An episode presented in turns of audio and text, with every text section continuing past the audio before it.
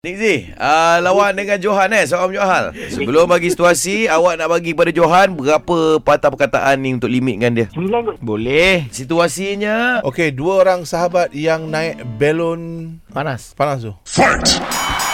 Exam belon panas kat mana?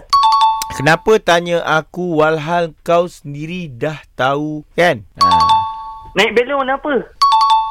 Takkan benda tu pun kau nak tanya aku kenapa? Ah. Ha. ha. Belon udara panas tu ada bakul tempat kita duduk tu eh. Berapa orang boleh naik belon panas tu selain kita? Belon ni boleh sampai ke angkasa lepas tak?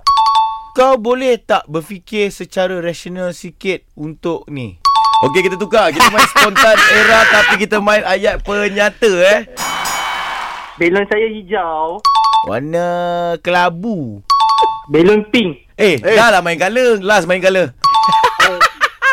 kesian. Naik tinggi. Mula-mula naik rendah. Aku pakai baju hijau. Eh color Ah, lagi colour brother lagi. Ah. ni Alamak Sorry brother. Okay, okay, Ya, tak apalah. Saya faham, saya faham. Ah dia faham Excuse me, Abang Johan. Johan tinggi tu Ah. Belum panas tu Tinggi tinggi tinggi Dia- Abang Johan! Turun, Roy, turun! Woi, ada orang panggil Eh, aku. Kau Ya. Ah. dengar ke? Wah, wah, apa dia, apa dia? You! Okey!